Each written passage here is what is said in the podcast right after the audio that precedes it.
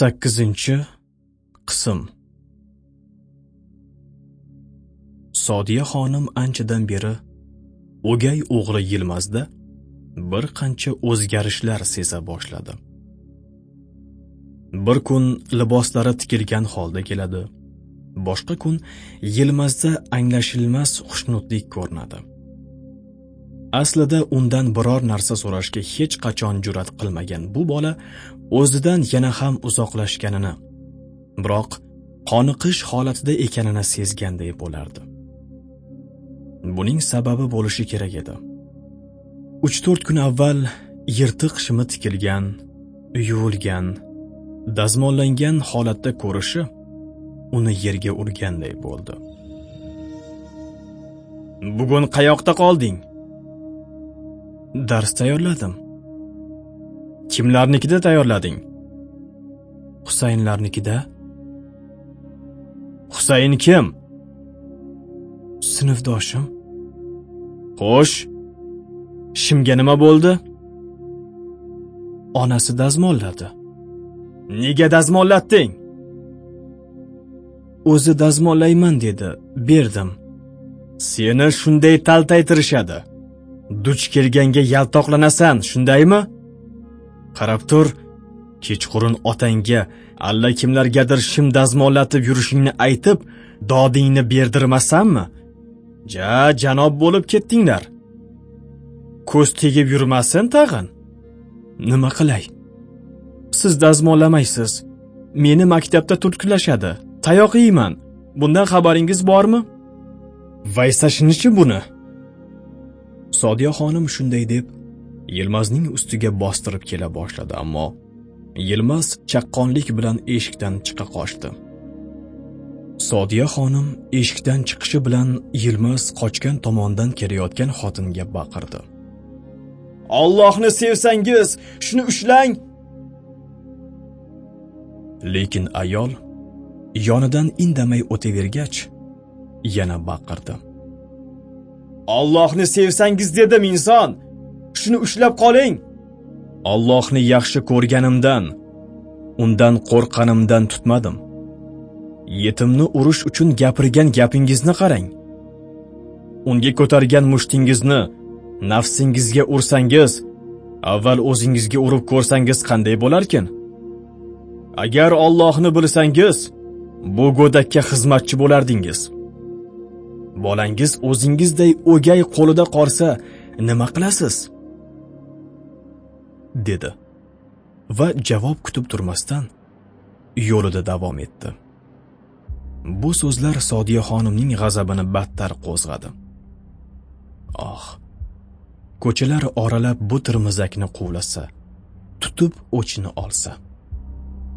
Uning ortidan kin to'la boqishlar bilan chaqnagan ko'zlar g'ijirlagan tishlar va hirsli o'zgacha tusga kirgan yuz. Boshqa chora yo'qligi uchun uyga chekindi. Eshikni ichkaridan berkitarkan oqshom uyga kelarsan? deya ming'irladi. Kim bu husayn?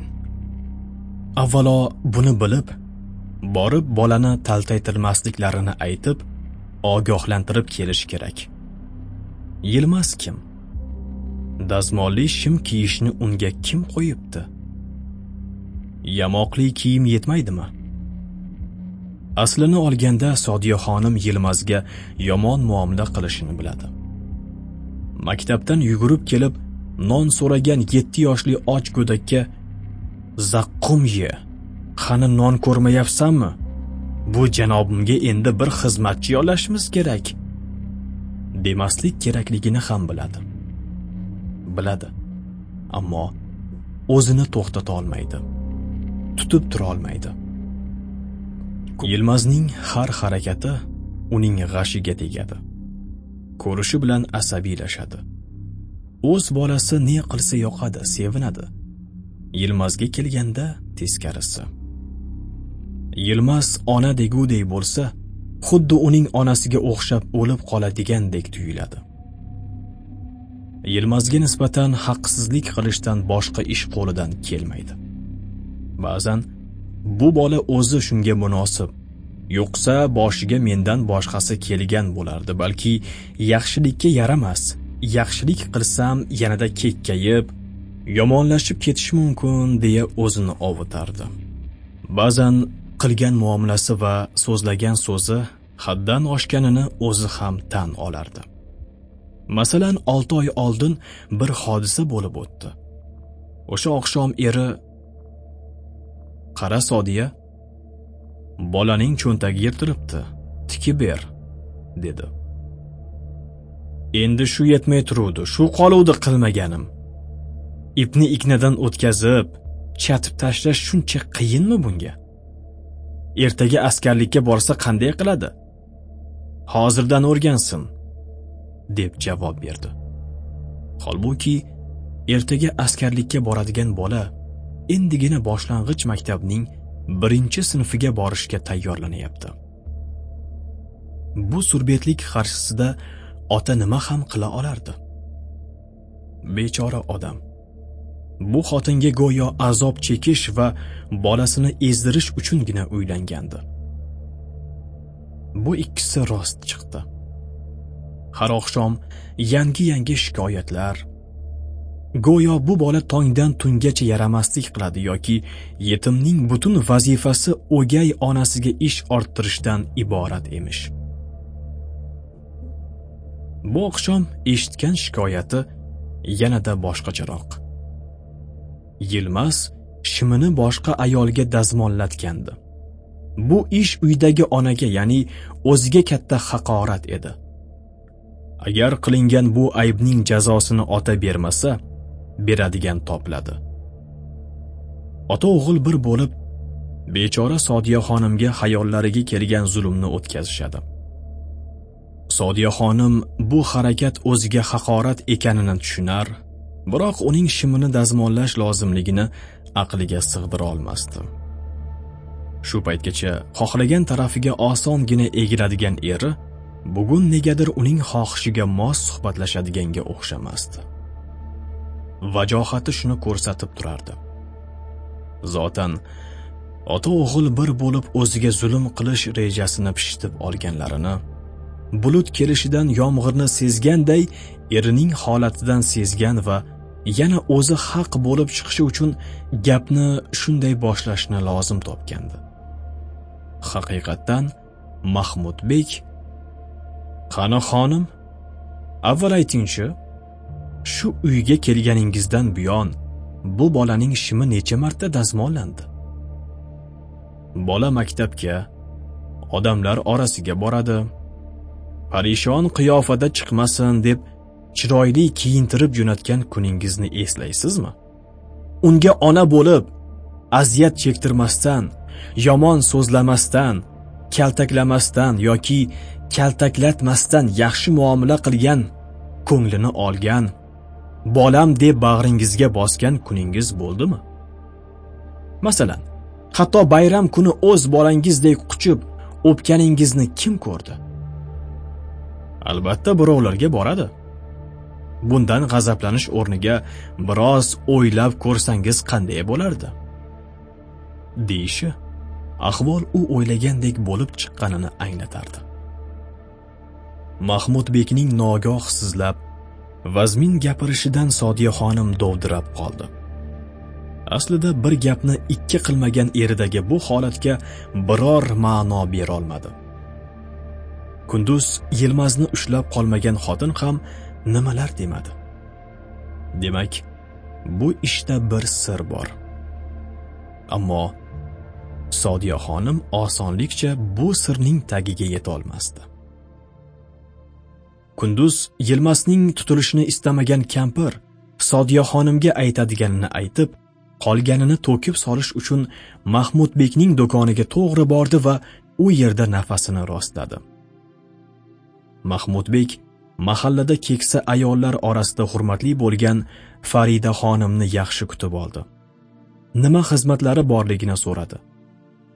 Farida xonimning rangi o'zgarib ketgani dilida to'kib soladigan gapi borligini bildirib turardi.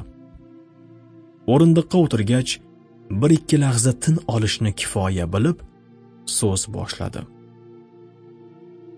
O'g'li mahmudbek eshigingiz oldidan o'ta turib deya hodisani anglatgach xulosa qilib maqsadini aytdi. Biroz avval mendan biror xizmat. Iltimosim amrim bor yo'qligini so'rading. O'rtada bajarishga majbur bo'lganing Alloh amri bor. Zero ado etilishi lozim bo'lgan eng sharafli amr Alloh amridir. Alloh bolaga yetimga yaxshi qaramoqni amr etgan ana shu amrni ado etmasdan mening xohishimni o'rinlatishdan senga nima foyda bor? Ikkinchi uylanganingdan buyon yilmaz yomon so'z eshitishdan ezilishdan tayoq yeyishdan boshqa narsa ko'rgani yo'q. Yo sizningcha shu Alloh amrini ado etishmi? Senda otalik mehri bo'lsaydi hamma yilmazga achingan bir paytda va bu gap menday kampirning qulog'igacha yetib kelmasdan o'g'lingga achingan bo'larding va uni butunlay Sodiya xonimning ixtiyoriga tashlab qo'ymasding.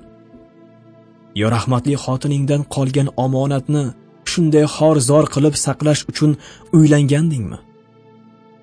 Xotiningni qara.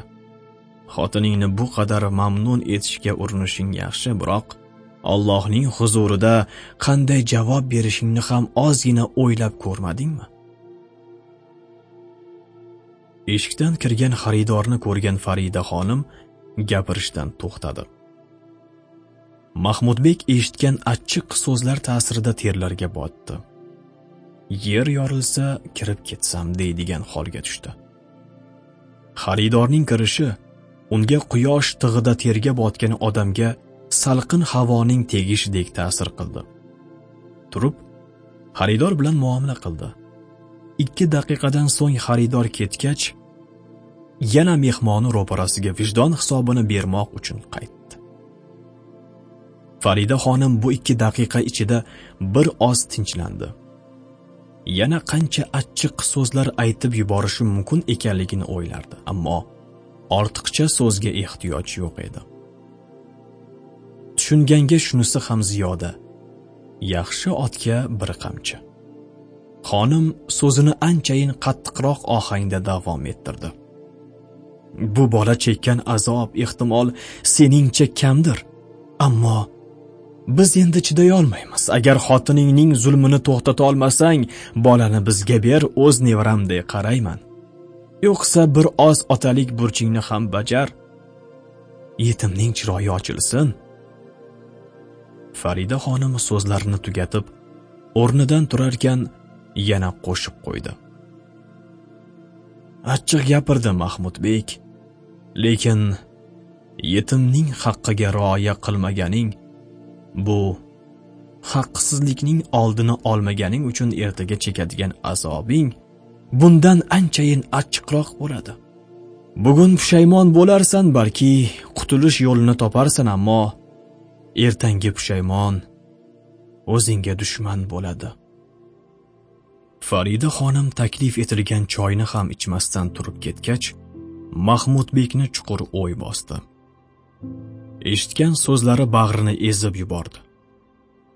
Ayol kishidan bunday haq so'zlarni eshitish osonmi? Agar kichikligidan kattalarga hurmat ruhida tarbiyalangan bo'lmasa edi balki qo'rsroq javob qaytarib yuborardi ammo aytadigan so'zlari nafsining himoyasidan boshqa narsa bo'lmasdi. O'zini bu ayoldan himoya qilishdan unga o'zini haq deb ko'rsatishdan nima foyda bor? Modomiki ertaga aldab bo'lmaydigan har narsaning haqiqatini ayon qiladigan zolimdan mazlumning haqqini olib beradiganning huzuriga borilganda mahallaning momosiga qiladigan dag'dag'asi mahmudbekni qutqaradimi? Aslida aytilgan so'zlar naqadar achchiq bo'lmasin haq emasmi? To'g'ri aytmadimi momo? Uylanishdan murodi yilmazning huzur halovatini ta'min etishmasmidi? Qani u halovat qani u huzur? Oqshom Sodiyaxonimga qarshi ilk bor achchiq gapirishning siri shunda edi. Tabiiyki, Mahmudbek Farida xonimning do'konda aytgan achchiq gaplaridan so'z ochmadi. Sodiya xonimga qarshi jangga chiqqan Mahmudbek bundan keyin muvaffaqiyat qozonadimi? yoki Sodiya xonim Yilmazga qarshi hiylalarini boshqa yo'lga, boshqa usulga almashtiradimi? Taqib etadimi? Javoblar taxmindan iborat. Vaqt ko'rsatadi. Bunday savollarga munosib javobni dono hakam vaqt bergusidir.